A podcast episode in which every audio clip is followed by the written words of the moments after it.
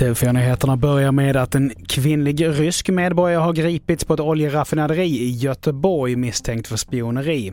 Enligt uppgifter till TV4-nyheterna skedde polisinsatsen inne på Primraff på Hisingen och företaget själva uppger att kvinnan är anställd till en av deras underleverantörer. Och idag så inleddes rättegången i det uppmärksammade fallet om mordet på åttaårige Tintin som hittades död i en lägenhet i Luleå i januari.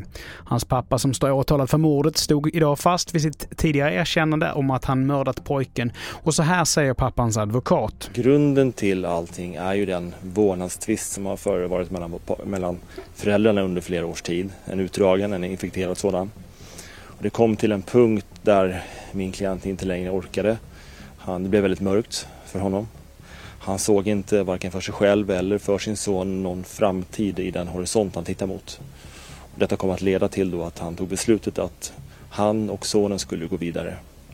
Men för sin egen del så lyckades polis och sjukvårdspersonal att rädda livet på honom.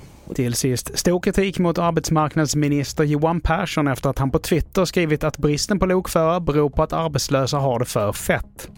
Anledningen till Perssons utspel är SJs besked om att alla tåg mellan Skåne och Göteborg ställs in under sommaren på grund av personalbrist. Fler nyheter hittar du på tv4.se. Jag heter Mattias Nordgren.